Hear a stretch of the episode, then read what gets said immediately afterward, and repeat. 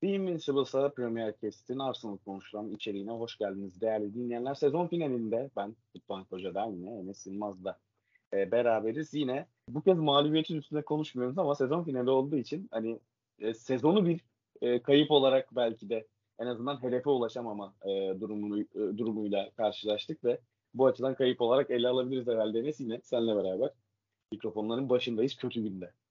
bizim iyi günümüz çok nadir oluyor zaten bu programda.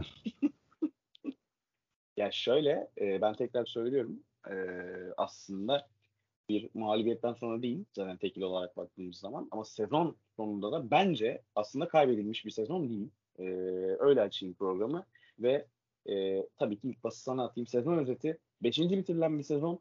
Sezonun ilk programlarını hatırlarsan biz yedincilik, sekizincilik e, konuşuyorduk. İlk dört çok zor diyorduk. imkansız diyorduk ama son haftaya kadar geldi iş. Hatta Newcastle maçı kazanılsa e, dördüncülük bile olabilir diye veya Tottenham deplasmanından daha iyi sonuç alınsa, daha olumlu sonuç alınsa dördüncülük bile olacaktı. Ama e, baktığınızda beşinci biten bir sezon dar bir kadroyla bitti. Büyük bir gelişim var. Sezon özetini alalım senden. Ya maç maç bakmaktan hani yok Tottenham yensek, Newcastle yensek hiç o kadar geniş Hı-hı. şey daraltmaya gerek yok. Parti sakatlanmasa hadi biz şampiyonlar ne gidecektik. Yani. Bu işin aslında şeyi bu. Özeti bu ya da Tierney o kadar bence bir numaralı etken değil. Her ne kadar Tavares çok sığırlık yapmış olsa da, da e, ana etken bence partinin sakatlanmasıydı ya. Parti olsaydı biz şampiyonlar ligine giderdik. Şimdi şöyle gireceğim ben muhabbete. E, sezon öncesine girmeden önce. Bütün Arsenal'li taraftarları sesleniyorum. Bütün Türk Arsenal'lilere sesleniyorum. Arkadaşlar hiç canınızı sıkmayın. Bakın samimi söylüyorum. Milan'ın şampiyonluğunda o şampiyon olmasıyla büyük bir şey ben. Heyecan yaşadım. Çok coşkuluyum bu son zamanlarda. Bu sebepten dolayı. Sana vereceğim sözü. O konuyu şimdi aç. Yok Mi- Milan'a girmeyeceğim. Arsenal'den bahsedeceğim. Merak etme. Ya inanın çok keyifli bir şey. Bu tarz takımları tutmak. Yani her yıl ya City'yi tutmanın hiçbir keyfi yok. Liverpool tutmak hadi bizimle benzer bir hikaye yaşıyorlar, yaşadılar diye bir tık daha keyiflidir. Ama öyle işte her maçı tutma, şey kazanan takımı tutmak, her yıl şampiyon kupa kazanan takımı tutmak o kadar keyifli bir şey değil emin olun. Yani böyle 4-5 biz gerçi 15 yıldır bu haldeyiz de bir noktadan sonra bu takım toparlayacak. Milan'da 10 yıldır rezil haldeydi. Bir noktadan sonra bu takım yine takır tukur top oynamaya, şampiyonluklar kazanmaya başlayacak. O zaman diyeceksiniz ki biz iyi ki 5 yıldır, 10 yıldır, 4 yıldır acı çeke çeke bu takımı takip ediyormuşuz diyeceksiniz. Sıkıntı yok yani. Bu yıl 5. olmamız çok büyük bir problem değil o yüzden. çok rahat bir şekilde söyleyebiliyorum. Ya şöyle dediğin doğru zaten hani bizim de kötü gün podcaster'ı kötü gün podcast'i dememiz kendi ürettiğimiz içeriğe biraz bundan. Ama herhalde zaman gelince iyi ki bu takımı tuttum, iyi ki bu takımın e, zefasını çektim e, diyeceksiniz dediğin e, e, yerlerin, dediğin günlerin herhalde ilk adımları bu sezon atıldı. E, ya enlere geçmeden önce senden sezon özetinde bir, biraz da şu kısımdan devam etmeni isteyeceğim. Çok kötü başladı. Ara ara çok iyi devam etti. Sezon ortası transfer döneminde özellikle umutlar birazcık kayboldu. Hiç kimse alınmadı ve çok fazla oyuncu gönderildi. Çünkü ve kadro çok daraldı. E, hedef direkt olarak gelecek sezon olarak belirlenmiş gibi gözüktü ama bir şekilde takım e, diri kaldı. 3 mağlubiyet üst üste alındıktan sonra Chelsea artı United galibiyetleriyle takım umutları diri kaldı birazcık da. E, ve e, özellikle aslında gelişimden e, bahsediyorum.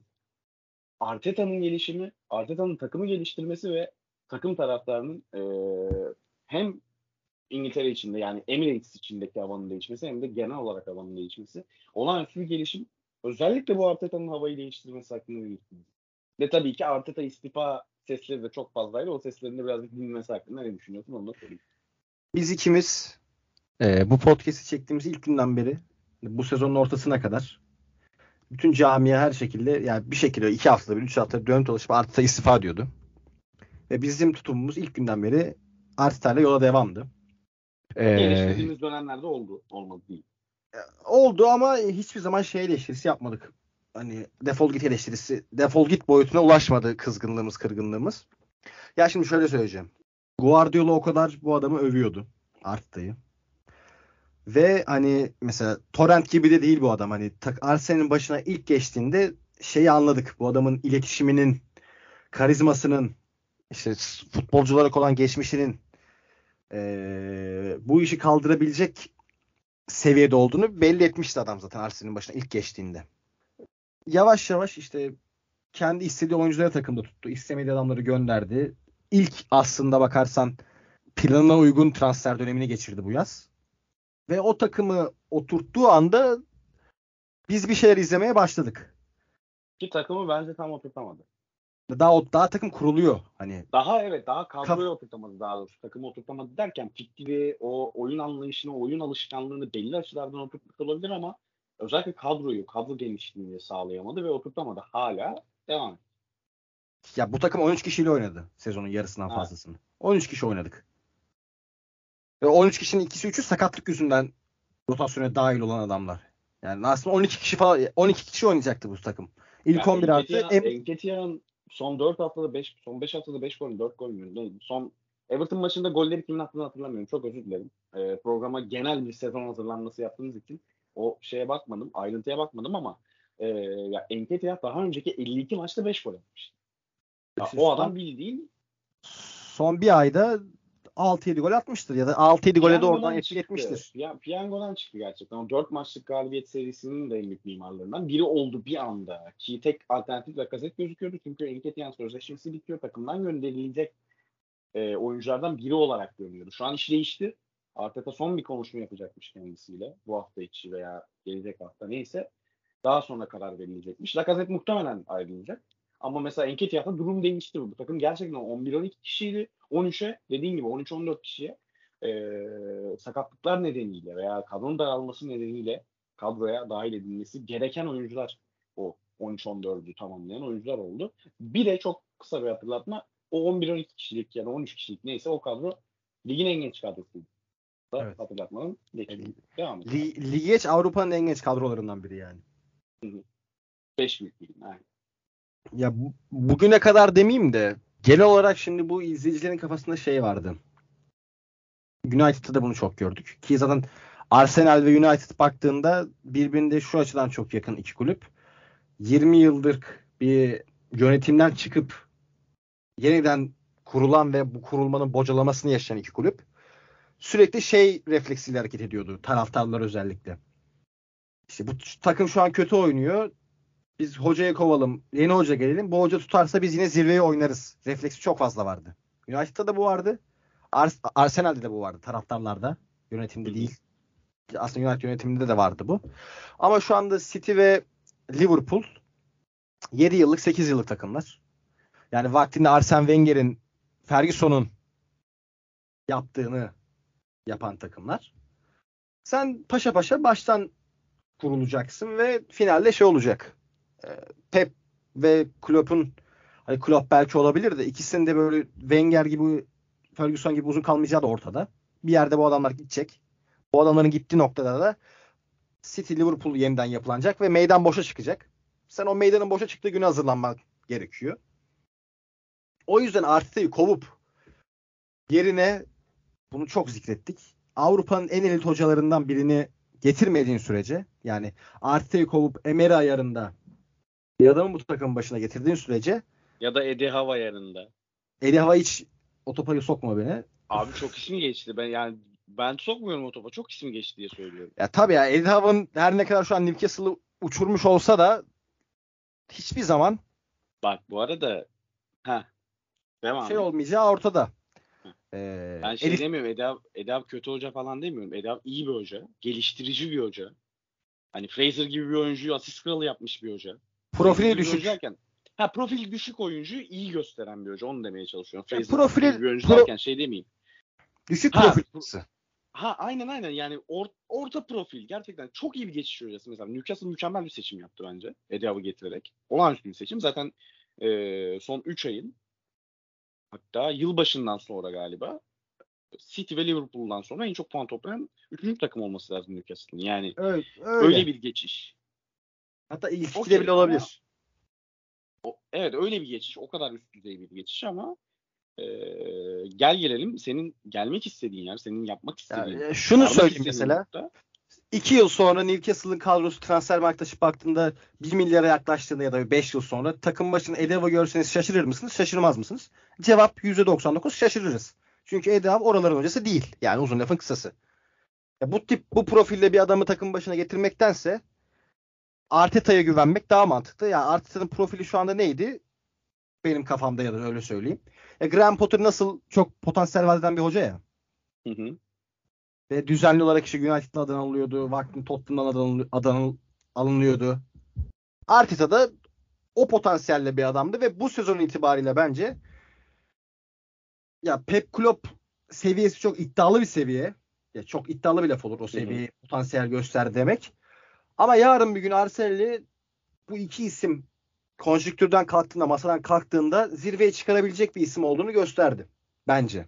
Ve hani Wenger'den sonra gerek takımın eski oyuncusu ve kaptanlarından biri olmuş olması sebebiyle gerek de bu Wenger bol felsefesine uygun oyun oynatan bir isim olması sebebiyle modern dönemde biliyorum o kadar uzun süre bir takım başına kalmak zor ama bir 10 yıl takım başına kalabilecek bir isim olduğunu bence bu sezon gösterdi.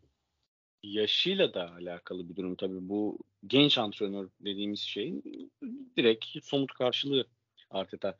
E, zaten en çok e, Arsenal yönetiminin eleştirildiği noktalardan biri Pep. E, Pep'in yanından geliyor ama ne olursa olsun hiç tecrübesi yok ve Emery gibi bir geçişin üstüne sıkıntılı, tartışmalı bir geçişin üstüne geliyor denmişti. Fakat o havayı değiştirmesi ilk geldiğinde çok fazla hata yapıyordu. Hatırlıyorsun. Yani şöyle ilk geldiğinde zaten takım şeydi. E, sen söyle. Kontratak takımı yaptı takımı.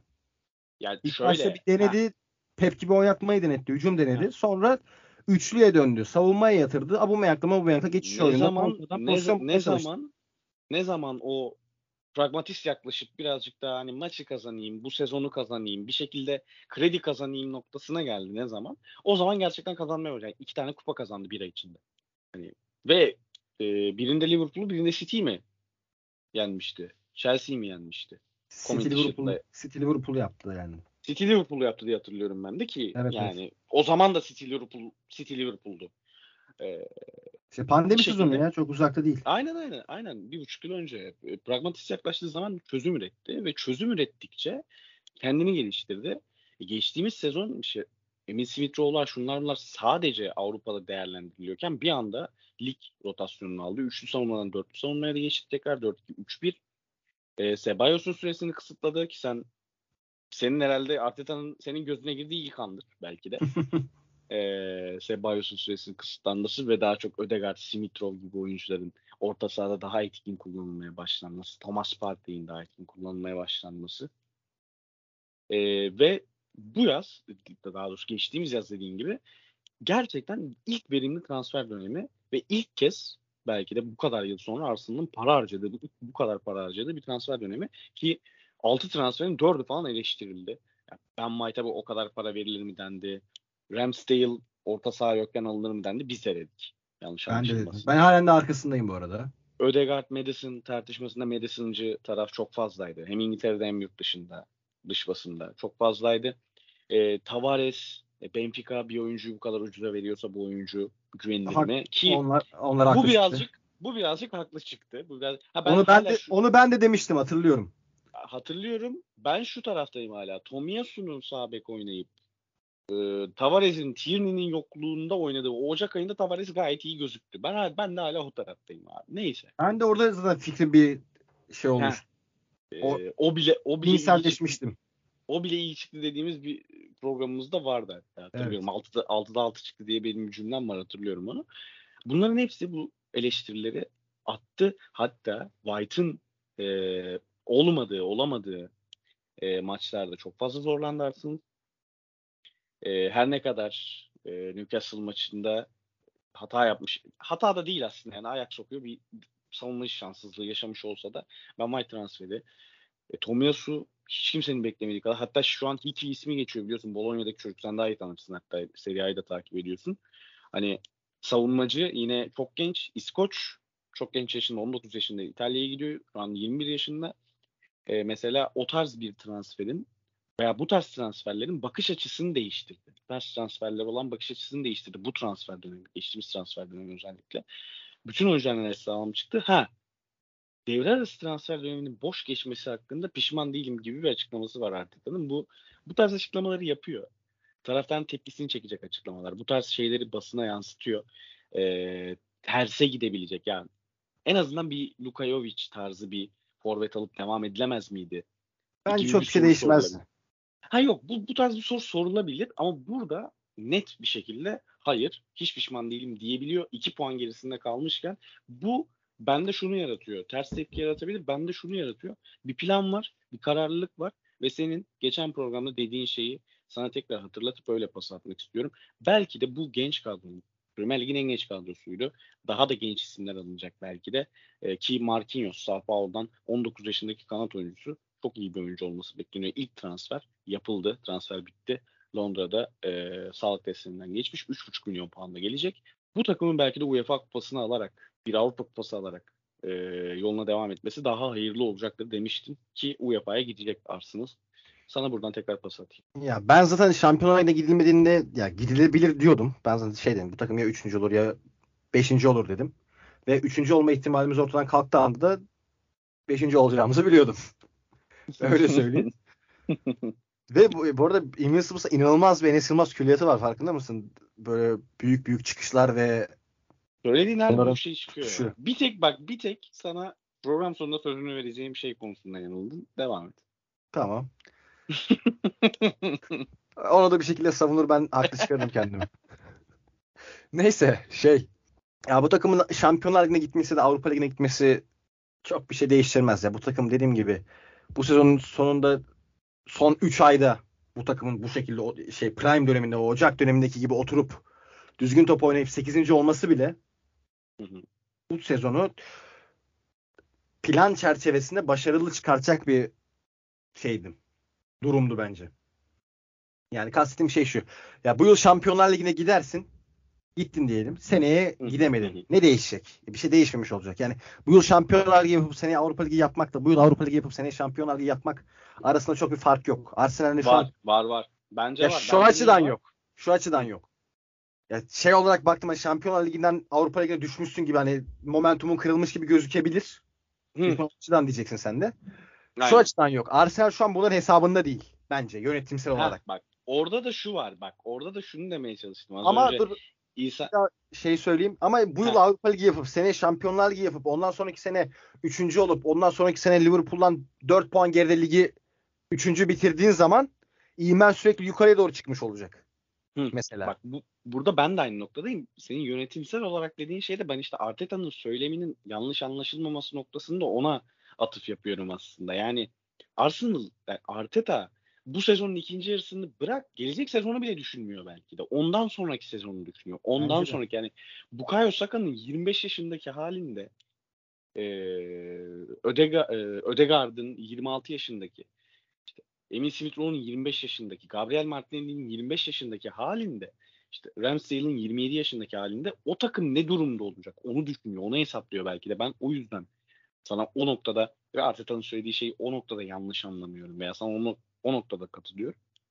Ki senin dediğin gibi bir e, hocanın sözleşmesi 25, yanlış hatırlamıyorsam Klopp, diğeri de 26'ya kadar uzatıldı. Hani 23'te 24'te gitmelerini bekliyorduk. Klopp ikisi 26'ya uzattı. Hı. Pep uzatmadı hala. Pep'in piyasası şeyi yok. Böyle 25 haber- deniyor ama. Hep 25 Şey deniyor. demişti. Bu sözleşmem bitti gideceğim gördüm. demişti. Sözleşme 23'te bitiyor. Klopp kaldı diye kalabilir belki. Hı hı. Ama ya bir noktada Pep Şampiyonlar Ligi'ni kazandığında bence şapkasını çıkartıp misyonu- gidecekmiş gibi geliyor bana. Misyonu dolmuş olacak. Misyonu tamamlamış oluyor. Eğer 25'e kadar Şampiyonlar Ligi'ni kazanamazsa bence Pep'i gönderme ihtimalleri de var. Ya çünkü mesela e, şimdi hani farazi bir what if muhabbeti yapacağız ama oldu da Aston Villa maçını City çeviremeseydi ve Aa, şampiyon olsaydı Tabii tabii. sizce Guardiola kalır mıydı ya da City Guardiola'yı gönderir miydi veyahut da City'nin Guardiola'yı tutup seneye bir daha Şampiyonlar Ligi'nde dramatik bir şekilde eleniş olduğunda Guardiola'yı biz devam edeceğiz der miydi? Senaryo ne olurdu? Haaland'ı almışken. Tabii. Ya bunlar şey, bunlar sorulabilir ama dediğim gibi konuya tekrar bağlamak gerekirse Guardiola'nın da uzattığını düşündüğün zaman e, bu oyuncuların dediğim gibi 26-20 da bak prime'ından bahsetmiyorum. 28-32 arasından bile bahsetmiyorum. 25-26 ya geldiğinde ne olabilir ve çevresinde nasıl bir takım olabilir hesaplıyorlar. Bu yüzden de e, transfere mi geçeyim enleri mi konuşalım? Bence en son enleri konuşalım. Buradan hemen transfere bağlamak istiyorum. Tamam ben de sana bir geçiş yapacağım. Bu yüzden de Hı. Devre arasında Vlahovic'i almadıklarında gidip bir forvet almadılar. Devre arasında Guimeres'i ya da işte o derin oyun kurucu ceza sahasını koşu yapan o 8 numarayı alma, alamadıklarında gidip örnek veriyorum saçma sapan bir takviye yapmadılar. Bu ne demek? Şampiyonlar yarışı içine girmiş bir takım bunları yapmıyorsa Şampiyonlar yarışını umursamıyor da demek aslında. Yani hayat Aynen. memat meselesi olarak görmüyor demek. Şu an şey yapmıyoruz Aynen. hani kıçımız yandı kendimizi teselli etmeye çalışıyoruz. Yolunda değiliz. Biz bunu son 5 programımızda söylemişizdir büyük ihtimal. Ya yok eski kayıtlar açıp dinlensin. Ben e, açıkça itiraf edeyim. Ben sezonun maçı dediğim hatta sezonun golü de dediğim golden ve maçtan sonra inanmaya başladım. Wolverhampton'a Lacazette'in son dakikada attığı golden sonra ben Şampiyonlar Ligi'ne inanmaya başladım. Yanlış hatırlamıyorsam 28. hafta falan da abi yani hani burada şeyi gizleyecek veya geri adım atıyoruz gibi bir durum yok. Evet Şampiyonlar Ligi'ne keşke gitseydik. Reputasyon için iyi olacaktı bir kere ki oraya da hemen bağlayayım. Transfer yapmak için rahatlayacaktı Arsenal belki de. Çünkü o kolda Şampiyonlar Ligi apoletini görmek bir oyuncu için Avrupa piyasasında öne çıkan bir oyuncu için önemli bir şey ve Arsenal transfer piyasasına girdiğinde oyuncuları bu şekilde ikna edebilecekti. Biz seninle hep konuştuk. Şampiyonlar Ligi'ne gitmek istiyoruz. Gitmemiz lazım. Gitmemiz şart. Çünkü buna ihtiyacımız var. biz bundan önceki 20-25 dakikada gidememek dünyanın sonu değil konuştuk. Ama gidemedik. Bu bize nelere mal olur? Şimdi onu konuşalım. Transfere geçelim dediğim gibi reputasyon konusunda biz bir bile bir şey alamadık. iki Şampiyonlar Ligi'ne gidemedik. Uzun vadede baktığın zaman uzun vadede çok uzun vadeli bir plan yaptığında bir şekilde bunları kotarabilirsin ki Arsenal'da muhtemelen bunu yapıyor. Arteta bu yüzden önemsemiyor e, devre arası transferinin boş geçmesini veya Şampiyonlar Ligi'ne gidememeyi bu yüzden şey yapıyor olabilir. Büyük bir gelişim var. Ve bu transfer döneminde de aynı şekilde takımı genç oyuncularla ama birazcık da kalibresi, kalitesi yüksek oyuncularla hem kaliteyi artırıp hem derinliği artıran transferlerle geliştirmeyi hedefleyecek ve ilk hedefte herhalde e, Ayuka çıktı artık zaten. E, Forvet ve Gabriel Jesus 50 milyon poundluk bir bonservis bedelinden söz ediliyor ama e, sözleşmesinin son senesine girdiği için Arsenal'ın pazarlıklarda güçlü olduğu da söyleniyor Enes. Ve ayrılmak istediği de kesin. Yani rotasyonun ikinci, iki buçukuncu adamı olacak şu anda. Hatta sahte forvetle senaryosuna katarsak üç buçukuncu adamı olacak. Hani Alvarez'i belki arkada bırakabilir. Alvarez Avrupa'ya ve Premier Lig temposuna geliyor. O yüzden patates olma ihtimali yüksek. Geçen günlerde de bir uykusuz bir gecede Kolo Kolo River Plate maçını az biraz izledim. İlk yarısını. Orada da birazcık gördüm. Ya o oyundan, o futboldan Avrupa'ya geldiğinde bir bir aptallaşırsın. Küçük bir soru sorabilir miyim? Evet. O maçı izlediğin sırada herhangi bir NBA maçı var mıydı? Şey şey başlayacaktı. Ee, Allah seni kahretmesin. Tamam ben başlayacaktı. Onu onun başlamasını bekliyorum.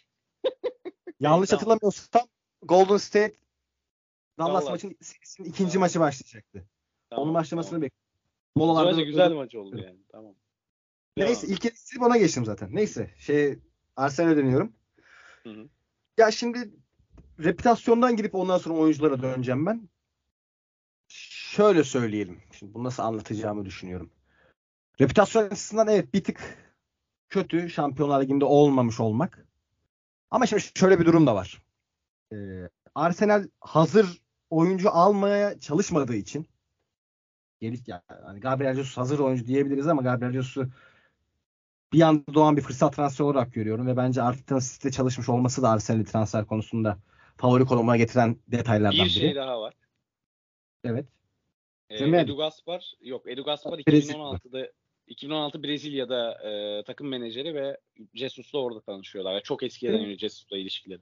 Ya bir bağları var yani kulüpteki. Var var. Hem hem menajer hem menajerle hem Arteta'yla çok e, güçlü bağları var. Şimdi farazi konuşmaya dönüyorum. Mesela örnek veriyorum Darwin Nunes. Ee, tamam. Örnek veriyorum X bir Wonderkid. Wonderkid değil ama Osimhen. 23 yaşında. Ya Osimhen'i ben istemiyorum da o konuda neyse Darwin Nunes tamam. üzerinde konuşayım. Demek istediğimi anlatacağım ben sana. Şimdi örnek veriyorum Darwin Nunes'e 3 e, takım sallayacağım. Bayern talip oldu. İyi olacak Tottenham, Tottenham talip Şu an farazi konuş. Bayern talip oldu. Tottenham talip oldu. Arsenal talip oldu. Tottenham, Tottenham'da katayım hadi. Ee, şimdi bakıyorsun Benfica bu yıl Avrupa Ligi'ne gidecek. Porto şampiyon oldu. Sporting ikinci oldu diye biliyorum. Sen daha Bu arada e, Benfica yok Şampiyonlar Ligi elemesi oynayacak. oynayacak mı? Avrupa Ligi'ne düştü diye. Ya Diyelim da ki Şampiyonlar. Ligi'ne gitti diyelim. Şampiyonlar Ligi'ne gitmiş olsun hadi. Bayern istedi. Görüştü Benfica ile. Aman dedi boş ver Nunez'i almayacağım ben. Sebastian Haller'i alacağım dedi. Oraya döndü. Hı Arsenal masada kaldı. Tottenham Kane olduğu için çok şey değil. Sen söyle. Yanaşmıyor. İstekli değil yani. Arsenal'de projesini sunuyor, istiyor. Ve Avrupa Ligi'nde Arsenal. Hı hı. Benfica'da kalsa Avrupa Ligi'nde olsa ya da Şampiyonlar Ligi'nde olsun fark etmez. Seneye Şampiyonlar ya Benfica'da kalsa seneye Şampiyonlar Ligi'ne gidecek kesin değil. Şampiyonlar Ligi'ne gidecek, gidecek olsa bile Benfica ile gidecek. Hı hı. Ya bu durumda Darwin Nunez'in Avrupa Ligi'ne Avrupa Ligi'ne giden ve projesini iyi anlatmış ve inandırmış bir Arsenal'e transfer olma ihtimali bence halen daha var. Çünkü bu takım dediğim gibi Demiyorum ben. hazır oyuncu, yıldız oyuncu almıyor. Bu yüzden hani repertuar açısından, transfer açısından ben çok etkileyeceğini sanmıyorum Tamam. öncelikle. İkinci olarak transfer konusunda bu takımın ihtiyaçları çok net belli. Forvet, orta saha, sağ bek yedeği, sol bek yedeği ve şey de bence çok e, bir karar vermesi gerekiyor bu yıl içinde. Kiradan dönen oyuncular ne olacak? Rotasyona dahil edecek mi Arsenal yoksa komple ilişkisini kesecek mi? Çünkü e, Torreira, Hı. Saliba, Bellerin hadi katmıyorum. Bellerin bence miadı doldu. Yok Bellerin gidecekler. Gendüzi de gelmiyor %99. Hı hı. Maitland Niles. Bu adamlar rotasyonda kullanılacak mı? Yoksa gönderilecek mi? Gönderilecekse Şimdi- Saliba dahil kiralık göndermesinler artık. Bu Elden çıkarsınlar. Saliba konusunda ben geçen yıl yazda konuşmuştum. Ay, galiba Arteta Saliba'yı istemiyor diye. Şimdi yine bu bizim Yok. 49 numarada Hı. haberler var. İşte Saliba'ya rağmen bir stoper transferi düşünülüyor falan falan diye. Bir Yok, görüş şey şöyle Saliba Ee, sol ayakta değil, Gabriel'in yerine sol ayakta bir transfer yapılması, yedeği olarak bir sol ayaklı transfer yapılması gündemde diye konuşuluyor. Bir yandan da Saliba'yı göndermeyi düşünüyorlar da konuşuluyor. Hangisi doğru tam belli değil bilmiyorum. Ama eğer Saliba gön yani yine ro- kadroda kalmayacaksa kiralık değil artık bonservisi elden çıkartılsın. ben Kafa şöyle ben şöyle anlatayım. Aaron Hickey bu arada az önce 19 şimdi 21 dedim. 17 yaşında gitmişti Bologna'ya. Şu an 19 yaşında çocuk. Ee, sol ayaklı Aaron Hickey konuşuluyor oraya. Ee, sol bek oynayabiliyor. Sol stoper falan oynayabiliyor çocuk. Ee, baş mevkisi sol bek ama. Çift ayaklı diye geçiyor hatta Transfermarkt'ta. Şu an kontrol ettim. Tekrar ayak şeyini. Orada Bologna'daki Aaron Hickey geçiyor. Tomiyasu benzeri bir transfer oldu. Saliba ile alakalı son haber şu. Arteta Saliba istediğini söyledi. Atletik'te çıktı bu haber. Ee, Saliba'yı istediğini söylemiş. Çünkü e, açıklamasında şöyle yapmış. Bizde kalmasını istemedik. Premier Lig seviyesinde Gabriel ve Ben White varken bu kadar fazla maça çıkamayacağını biliyorduk. O yüzden Marsilya'da kalmasını ve Marsilya'da çok fazla çok daha fazla maça çıkmasını istedik. Ve çok daha fazla maça çıktı. Kendini geliştirdi. Şimdi kendisini tekrar görmek istiyoruz demiş Arteta. Aaron Hickey dediğim gibi sol taraf için konuşuluyor. E, ismi geçiyor. 19 yaşında transfer şeyine uygun. E, Arsenal'ın transfer politikasına uygun. Bir oyuncu Tierney'nin bu kadar sakatlandığını düşünürsek, e, Gabriel'in bazı form düş, bazen form düşüşlüğü, yaşa, e, düşüklüğü yaşadığını düşünürsek önemli bir transfer olabilir.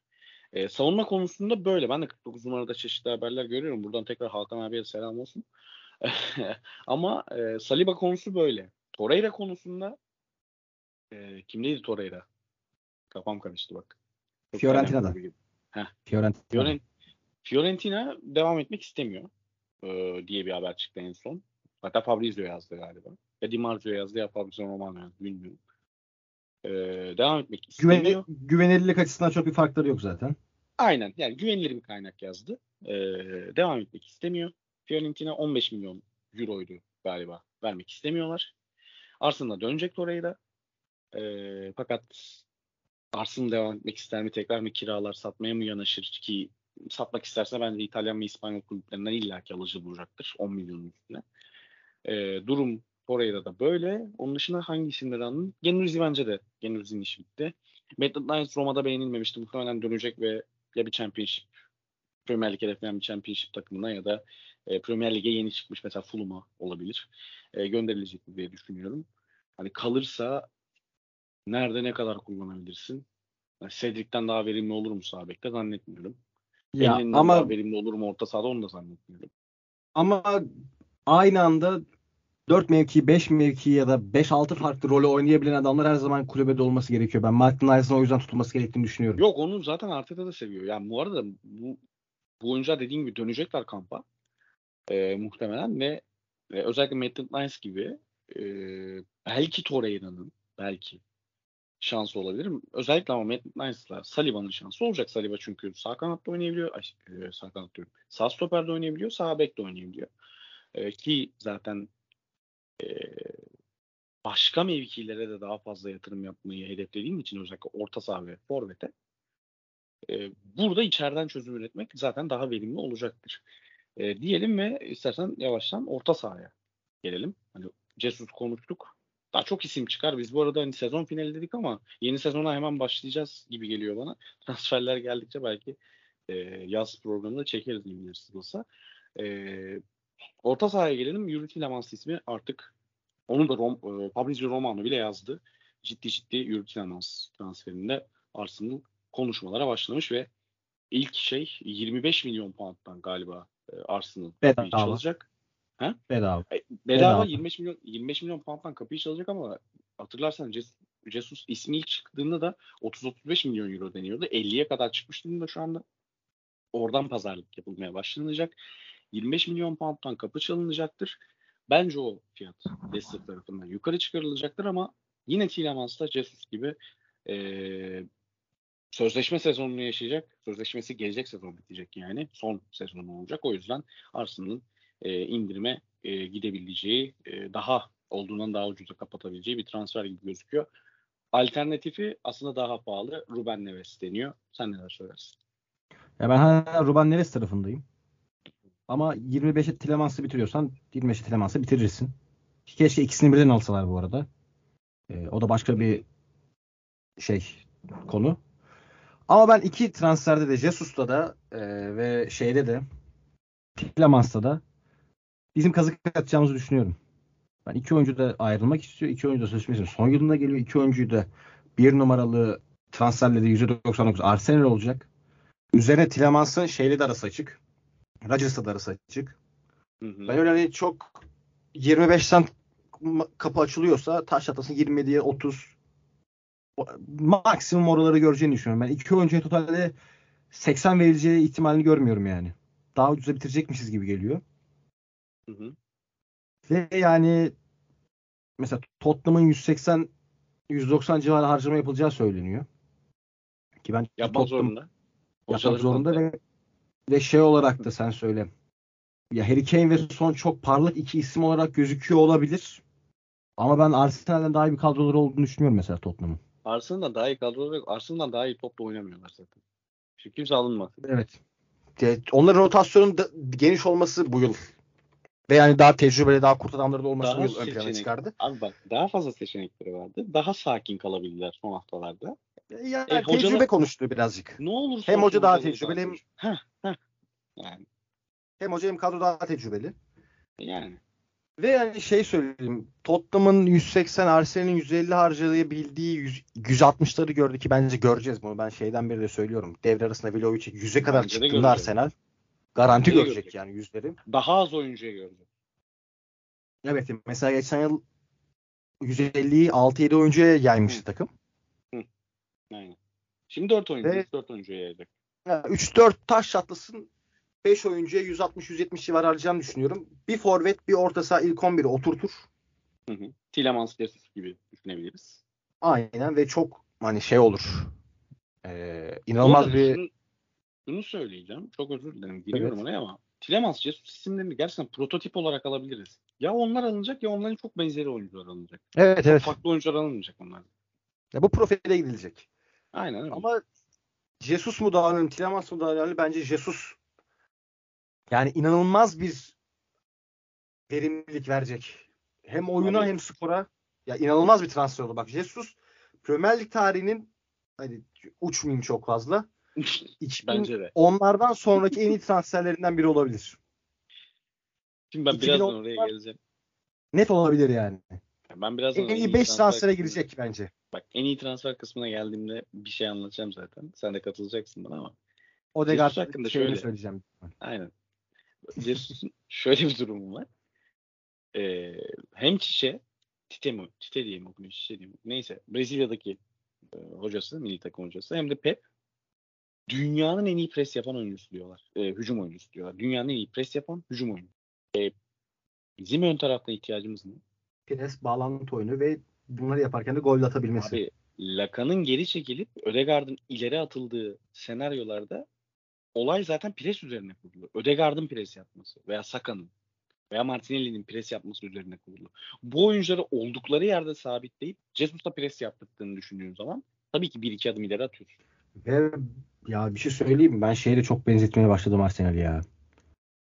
Hani her ne kadar Arteta Pep'in yanından gelmiş olsa da kadro Hı. profili olarak Klopp'un ilk Liverpool'u palazladığı döneme çok benziyor bu takım ya. Abi harmanlaması diyoruz bak zaten işte Ar- mesela ilk geldiğinde Arteta ilk geldiğinde en, en, en çok yan- yanlış anlaşılan konulardan biri buydu.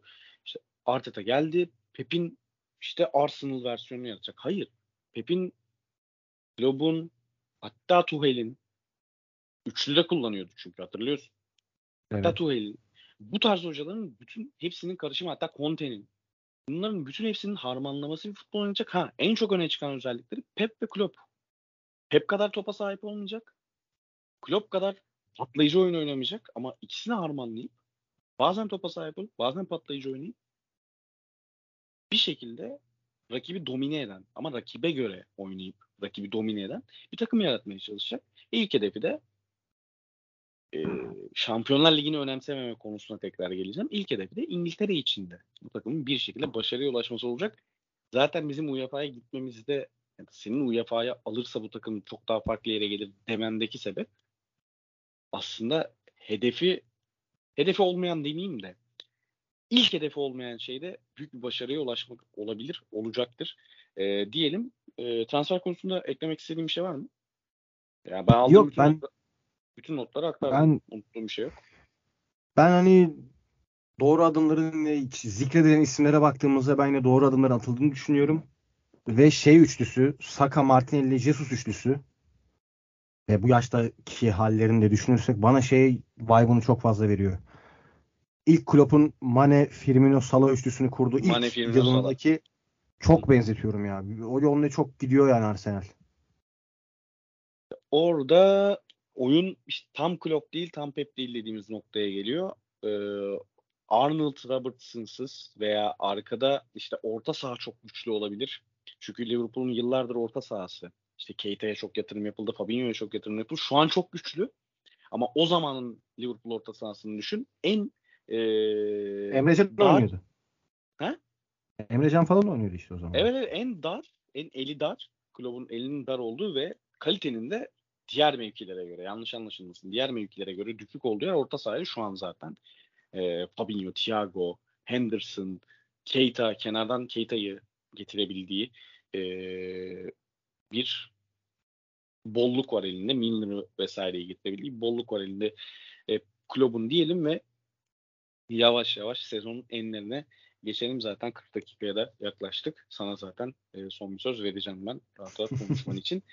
E, sezonun en iyi oyuncusuyla başlayalım abi. Buralarda böyle bir oyuncu artı bir cümle şeklinde alabilirim. Ya ben iki isim arasında birazcık fink atıyorum. Çok zor. En iyi transfer en iyi, en iyi, en iyi transferde konuşacağız değil mi? en iyi transfer konuşacağız. Tamam o zaman parti. Parti. Wow. En iyi oyuncu. En iyi oyuncuya parti diyorum aynı. Sebep? Bir iki cümle. Ya bize işleyen bir takımda ve yani Arteta'nın kafasındaki bir oyunu yansıttığımızda neler yapabileceğini gösterdiği zirve bir iki ay var. Bir buçuk iki ay var. Tabii. City Ve- maçıyla başlayan hatırlarsın. Aynen. Bir Ocak. Aynen. Aynen. Ve şey e, takımın Şampiyonlar Ligi'ne gidememesinin sebebi onun sakatlığı olmuş olması da hani ne kadar önemli bir olduğunu bir daha gösterdi. Ben bu sezonu Tabii. en sivrilen adama ben parti derim ya. Saka ya Odegaard da denebilir. Martinelli de denenebilir belki ama ben parti diyorum. Birazcık şey yapayım. Ee, hit bir tercih yapayım. Tamam peki. Ya ben pek bir tercih yapmayacağım. Ben direkt evladımı söyleyeceğim. Bukayo Saka. Ki e, futbolla yeni yeni aşırı neşir olan bazı arkadaşlarım var. Saka'yı gördükleri an seninki falan diye tepki de veriyorlar. O derece seviyorum kendisini ve yine gelişim göstermeye başladı. E, gelişim göstermeye devam ediyor. Gelişim göstermeye başladı demeyeyim. 2019'da başlamıştı. E, galiba sol bek olarak Tabii sol, bek olarak, olarak ilk çıktığını. Bir 77 numaralı formasıyla. Tabii tabii ve e, o gelişim devam ediyor. Olgunluk, takım kaptanlığı başka bir şey. Ama Colney'de e, tesislerde takıma yaptığı olumlu etkiyi bütün takım arkadaşlarının ona yaklaşımı, bütün takım arkadaşlarına kendi yaklaşımı ki zaten Gareth Southgate'in en çok güvendiği oyunculardan biri bile olmuştu İngiltere milli takımında Euro 2020'de.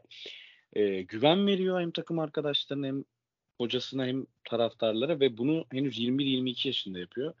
Ee, artı işte akademiden yani 9 yaşından 10 yaşından beri o formayı giymesinin etkisiyle ben bu sezon Saka'yı umarım 15 10-15 sene daha bu forma altında görmekten zaten mutluluk duyacağım. Bu sezon onu izlemek çok büyük mutluluk verdi bana. O yüzden en iyi oyuncu Saka deyip geçiyorum. En büyük hayal kırıklığına geçelim.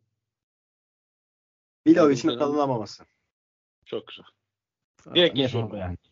Direkt Sende de aynı galiba. Direkt geçiyorum. Tamam. Çünkü yani belli sonuçlara yol açtı. O transfer evet. olsaydı biz biz bu yaz bazı transferleri çok rahat yapacaktık. İşte o Şampiyonlar Ligi reputasyonu dediğim şey var ya. Onun benzerini transferde... belki seviyeyi çok erken atlayacaktı. Heh, onun onun o şeyi erken kıracak belki de. Ya bakın tekrar söylüyoruz, tekrar vurgulayalım. Ee, biz Şampiyonlar Ligi'ne gidemem gidemedik ama diye çok cümle kurduk burada. Tabii ki keşke gidebilseydik. Tabii ki gidemememize yol açan şeyler bizi üzüyor. Onlara da değiniyoruz zaten böylece. Hani Şampiyonlar Ligi gidememe, Şampiyonlar Ligi'ne gidememenize kılıf bulmayın tarzı düşünmeyin. E, fakat gidemememiz de o kadar olumsuz değil. Onu anlatmaya çalıştık aslında. Fakat bu gerçekten Vlahovic transferi olsaydı muhtemelen giderdik. Üstüne bazı transferleri yapmak çok daha kolay olurdu. O yüzden en büyük ayak kırıklığı çok çünkü gerçekten yaklaşılmış bir transferdi ve kesenin ağzı da açılmıştı. Herhalde devre arasında 70 milyona çıktığı bir transfer var mıdır aslında? Zaten en, en pahalı transfer şey Pepe o da 72. Aubameyang var. Devrede gelmiş 68 bine verdik Aubameyang'a. Devrede geldi diye hatırlıyorum bunu. Tamam. Doğru. Okey. Ee, benzeri olacaktı işte. Olmadı. En iyi transfer peki? Transferden tabii ki de tabii ki de geçen yıl kiralıkken 11 numaraya giriyorken de dediğim gibi etrafına takım kurulacak bir oyuncu aldık ve çok bedavaya aldık. Martin Odegaard. Bu yılda neler neler vaat ettiğini bize gösterdi. Hırsızlıktan ben bunu, bahsettin. Ben bunu 35 milyon bedava Martin Odegaard için. Yani. Ben bunu yani olur da bir yarın bir gün spor medyasında iyi yerlere gelirsem 10 yıl 10 yıl ben bunun cakasını satarım. Umarım böyle Emre Özcan, Uğur Karakullukçu, Orkun Çolakoğlu versiyonu gibi 10 yıl sonra da biz beraber işler yaparız. O zaman da buna sürekli referans veririz. Abi yok beraber yapmasak bile umarım beraber yaparız var da beraber yapmasak bile benim bile kullanacağım bir argüman bu. Hak, hakikaten e, bizi son zamanlarda dinleyenler olmuş olabilir. İlk bölümümüzü dinlememiş insanlar olmuş olabilir. Enes hakikaten Ödegaard hakkında o işte Sebayos'un falan kullanıldığı orta sahada Ödegaard'ın daha fazla alan bulması lazım. Bu adamın üstüne takım kurulur dediği günleri hatırlıyorum ben ki e, o adam alındı. 35 milyon euro gibi çok düşük. Kiralandı, kiralandığı gün dedim ya. Aynen, aynen. Çok düşük. Maça çıkmadan dedim ben bunu. tamam lan tamam. dedim ben de dedim. tamam sensin tamam. Gerçekten dedi ama. Tam şu anda küfürlü şeyler geliyor ağzıma neyse. Çok ısrar ettim beni o noktaya getirmesi. Gerçekten en iyi transfer. Ödegaard burada yine e, şey yapmadık. E, hayal kırıklığında da e, transferde de aynı noktadayız. En güzel maç sence? En güzel maç. City maçı ya. Öyle Özellikle mi? City maçı. Wolverhampton'da diyebilirsin. Hadi ben fikrimi değiştirdim. Ben de City maçı diyeyim ya. Ama City ben maçı. niye seninle aynı gidiyorum? Ben golde fikrimi değiştirmeyeceğim de City maçı evet. gurur duymuştum çünkü biliyor musun? Evet yani ve deli olmadığımızı, kendi kendimize ayar kurmadığımızı ilk kez gördüğümüz maç olabilir yani. bu takım iyi olacak, bu takım iyi olacak. Hani harbiden olacağını gördük orada. Bir şey diyeceğim. Ee, ben bunu quote olarak koymak istiyorum. deli olmadığımızı anla... Bir dakika yazacağım bunu. Hatta dur şuraya yazacağım. Deli olmadı. Sen Wolverhampton mı diyeceksin? Burayı burayı kesme abi. Wolverhampton diyecektim. Ben Wolverhampton maçının sonundaki golün bana hissettirdikleri dolayısıyla en güzel gole onu alacağım. Birazdan konuşuruz. Ama deli olmadığımızı anladığımız maçtır diyeceğim. City maçıydı. Buraları kesmeyeceğim. Kesme kesme. Aslında hiç sıkıntı yok. Bu hisleri yaşadığım anları gerçekten bu kadar güzel anlatılamazdı o maç. Geçiyorum abi. Hani hiçbir şey söylemiyorum üstüne yani. Senin söyleyeceğin Tamam. varsa söyle ben, ben söylemiyorum. Yok yok yok yani dediğin gibi bu deli olmadığımızı anladığımız maç. Deli olmadığımızı anladığımız ve ama sonra sevinçten delirdiğimiz maç benim bak gerçekten çok güzel gol bu arada. Yani sırf maçı kazandırdığı için 90 artı 5'te geldiği için demiyorum. Önceki paslaşmalar, dar açıdan vurulan top. Lacazette'in Lyon Lacazette gollerinden biri. Arsenal'da çok atamadı. Ve beni gerçekten samimi söylüyorum bunu program dinleyenler de bilir. Sen en iyi bilirsin. Beni dışarıda tanıyanlar da bilir. Gerçekten Şampiyonlar Ligi'ne beni inandıran gol. 27. ya da 28. maç sezonun Wolverhampton maçındaki gol bence en güzel goldü. Sezonun en güzel golüydü. Arsenal'ın da ki Emirates'te atılması, Emirates'te o atmosferin oluşması da bana bu duyguyu veriyor. Sence en güzel gol hangisiydi? Ya Odegaard'ın frikikleri aklı, friki geliyor aklıma. Odegaard'la Saka'nın sağda paslaşıp Oğlum anladık Martinelli- Ödegaard tamam sen söyledin işte Yok, tamam. tamam tamam Odegaard. şu an şu an Martinelli'yi böyle ters kal şey tarafta demarke bıraktık bırakıp attığımız goller geliyor. Çaka'nın Allah'a sığınıp vurduğu Manchester maçında attı gol. İlk ayın golü Aynen. seçildi o. Nisan ayının golü seçildi. Odegaard'ın birine çarptırıp frikik dönüşü attığı gol geliyor aklıma. Ya farklılık olsun diye ben mesela yılın 11'ini seçtik ya şeyde Premier Kes'te. Bronz, gümüş, mada, şey altın diye. Farklılık olsun diye anasını salladım da salladım. Sırf hani Ben 20 henüz- tane ben adam aynı- seçmedim. Ben henüz 20 seçmedim. tane adam 20 tane adam aynı 11'leri yapmasın birazcık farklılık olsun diye ben çok bokunu çıkardım. Hı hı. burada da aynısını yapayım. Odegaard'ın direkten döndükten sonra rakibe çarptırarak 35 metreden attığı gol söylüyorum ben de. Ama Hı. sezonun golü Lacazette'in attığı gol bu arada yani onu da söyleyeyim. Gerçekten duygusal açıdan. Yani gol çok güzel bu arada. Boş kaleye falan atılmıyor. Ee, öncesindeki, öncesindeki paslaşma Saka Ödegaard Lacazette paslaşmasıydı yanlış hatırlamıyorsam hatta. Ve hani yenilmesek yeter dediğimiz bir maçtı. Bir anda galibiyeti getirmişti. Ee, 80'den sonra atılan gollerle ve bir tanesi de 90 artı 5'te gelmişti diyeyim. Ee, bu sezonda Arsenal'ı konuştuk. Bu sezonda dertleştik. Hem ikimiz hem dinleyicilerimizle beraber. Dinleyicilerimize teşekkür ediyoruz. Arsenal'ı bizden dinledikleri için. Bizimle dertli, dertleştikleri için. Ee, Konuk oldukları sezon- için Erman Yaşar'a, Ozan Can Sülüme. Ozan Can Sülüm'e çok teşekkür ben kor ben koronayken Melih abiydi galiba. Melih, Melih abi, Melih Çavkayat'a çok teşekkür ediyoruz. Onu, onu da ağırlarız. Onu hatta hani transfer sürecinde belki 3 kişi yaparız ağırlarız. Yine Ozan Can, Sülüm, Erman Yaşar ağırlamak isteriz. Daha farklı Arsenal taraftarlarını ağırlamak isteriz. Ee, ama e, bir sezon daha bitti. Yeni bir sezona dediğim gibi hani bundan 15 gün sonra yeni bir bölüm bile çekebiliriz transferler gelirse. Ama bir sezonu böyle bitirdik. Bu sezonun bitişini ben e, Enes güzel yapsın istiyorum. Ee, iki senedir burada, bir buçuk senedir burada acı dolu tiratlar atıyor kendisi. Bir şampiyonluk tiradı atsın istiyorum. Milan taraftarı Enes Yılmaz'a. Sözü bırakıyorum efendim. Teşekkür ederim. Milan'a başlamadan önce seni de tebrik ediyorum. Porto şampiyon oldu. Aa teşekkürler. 30. Unutma, şampiyonluğumuz. Favorlarımı her zaman yaparım biliyorsun. Eyvallah. Eyvallah. Teşekkür Ya, ederim. Beni bıraksanız burada ben bir saat konuşurum. Ciddi söylüyorum bir saat konuşurum. Son Valla 2-3 bıraktım günde. da bıraktım da bir saat konuşursan Umut Umut'un İşte canı. o yüzden işte 50. dakika diye ben bir saat bir konuşmayı 4,5 dakikada falan yapmayı planlıyorum şu anda. Peki. Ee, o İbrahimovic'in soyunma odasında olan konuşmasını İtalyanca, İngiltere altyazılı, şey İngilizce altyazılı, Türkçe altyazılı olarak herhalde bir 25 kez izlemişimdir ve her izlediğimde tüylerim diken diken oluyor. Ee, inanılmaz bir ya şimdi drama olan drama demiyorum da inanılmaz güzel bir hikaye barından arkasında 2017'de başlayan hatta kimine göre kesersen 2011'den bile başlayabilirsin bu hikaye İbrahimovic'in takımdan ayrılmasıyla. Hadi daha da abartıyorum. Maldini'nin takımda emekli olmasından bile bu hikayeyi anlatabilirsin. Daha da abartıyorum. Cesare Maldini'den bile bu hikayeyi başlatarak anlatabilirsin ta 60'lardan. Öyle bir ee, dağlanıp budaklanan yani durum var. Ama ben 2017'den sonra anlatılması gerektiğini düşünüyorum bu hikayenin. Milan çok badireler yaşadı. Çok e, kırılmanları yaşadı. Finalde işte Maldini'nin ayrı bir hikayesi var. Pioli'nin ayrı bir hikayesi var. İbrahimovic'in ayrı bir hikayesi var. Bu genç çekirdeğin ayrı bir hikayesi var. Bu şampiyonluk çok özel bir şampiyonluk.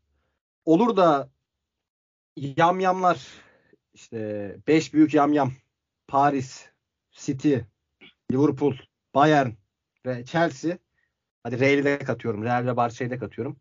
Bu takımı yam, şey e, parçalamazsa Tonali'si, Laos'u, Teos'u, Maynan'ı millet çok göz ardı ediyor ama Tomori'si çok başka bir seviyeye çıkacağını düşündüğüm Kalolus'u bu takımda bir şekilde kalabilirse ve bence Calabria'da eğer e, takım düzgün giderse Milan'ın efsane başkanları şey kaptanlarından biri olacak ileride. Bu takımın hikayesi 2025'ten sonra 2026'dan sonra o civarlarda başka yerlere gidebilir. Özel bir şey var orada yani bir durum var. Ciddi ciddi bu iş sadece bir underdog'un şampiyon olması ya da ee, işte 11 yıldır uyuyan bir İtalyan devinin İtalya içinde uyanmasıyla sınırlı kalmayabilir. Bu takım ciddi cidden Teos'u, Laos'u, Tonalis'i başta olmak üzere, merkezde olmak üzere bu takımın gençleri bir şekilde korunabilirse Avrupa'da da o Berlusconi'nin Milan'ı satın almasıyla ondan öncesi de var. Catenaccio dönemi de var. Nero Roccolo falan falan Gianni Rivieralı da oralara girmiyorum hadi. O Avrupa sahnesinde Real Madrid'e rakip olan Milan'ı Maldini'nin önderliğinde onun karakter korumasıyla yeniden izleyebiliriz. Ya bu özel bir şampiyonluk yani. Bu hikayeyi biosunda journalist ya da Calcio yazmayan hesaplardan araştırırsanız ne demek istediğimi anlayacaksınız. Ben bıraksanız bir saat detaylı anlatırım. Bıraksanız ben bir saat burada detaylı detaylı anlatırım ama girmiyorum. Bu özel bir işti yani onu söyleyeyim. Ben bir şey demiyorum. Bilmesi Buslan bu sezonluk. Ciddi ciddi son iki yılda attığım en duygusal ve mutlu tirat olabilir bu. E, öyle gerçekten bunu atacağını bildiğim için e, sana zaten sözü bırakmıştım. Tekrar e, bizi dinleyenlere de bu programın konuk olanlara da tekrar çok teşekkür ederim. Sana özellikle çok teşekkür ediyorum tabii ki. E, gelecek sezon dediğimiz gibi 15 gün sonra da olabilir, 3 ay sonra da olabilir. Gelecek sezon The Invincibles'ta Premier Lig tarihinin tek yenilgisiz şampiyonunun konuşulduğu The Invincibles'ta Premier Lig'de görüşmek dileğiyle Enes tekrar teşekkürler. Büyük bir zevkti.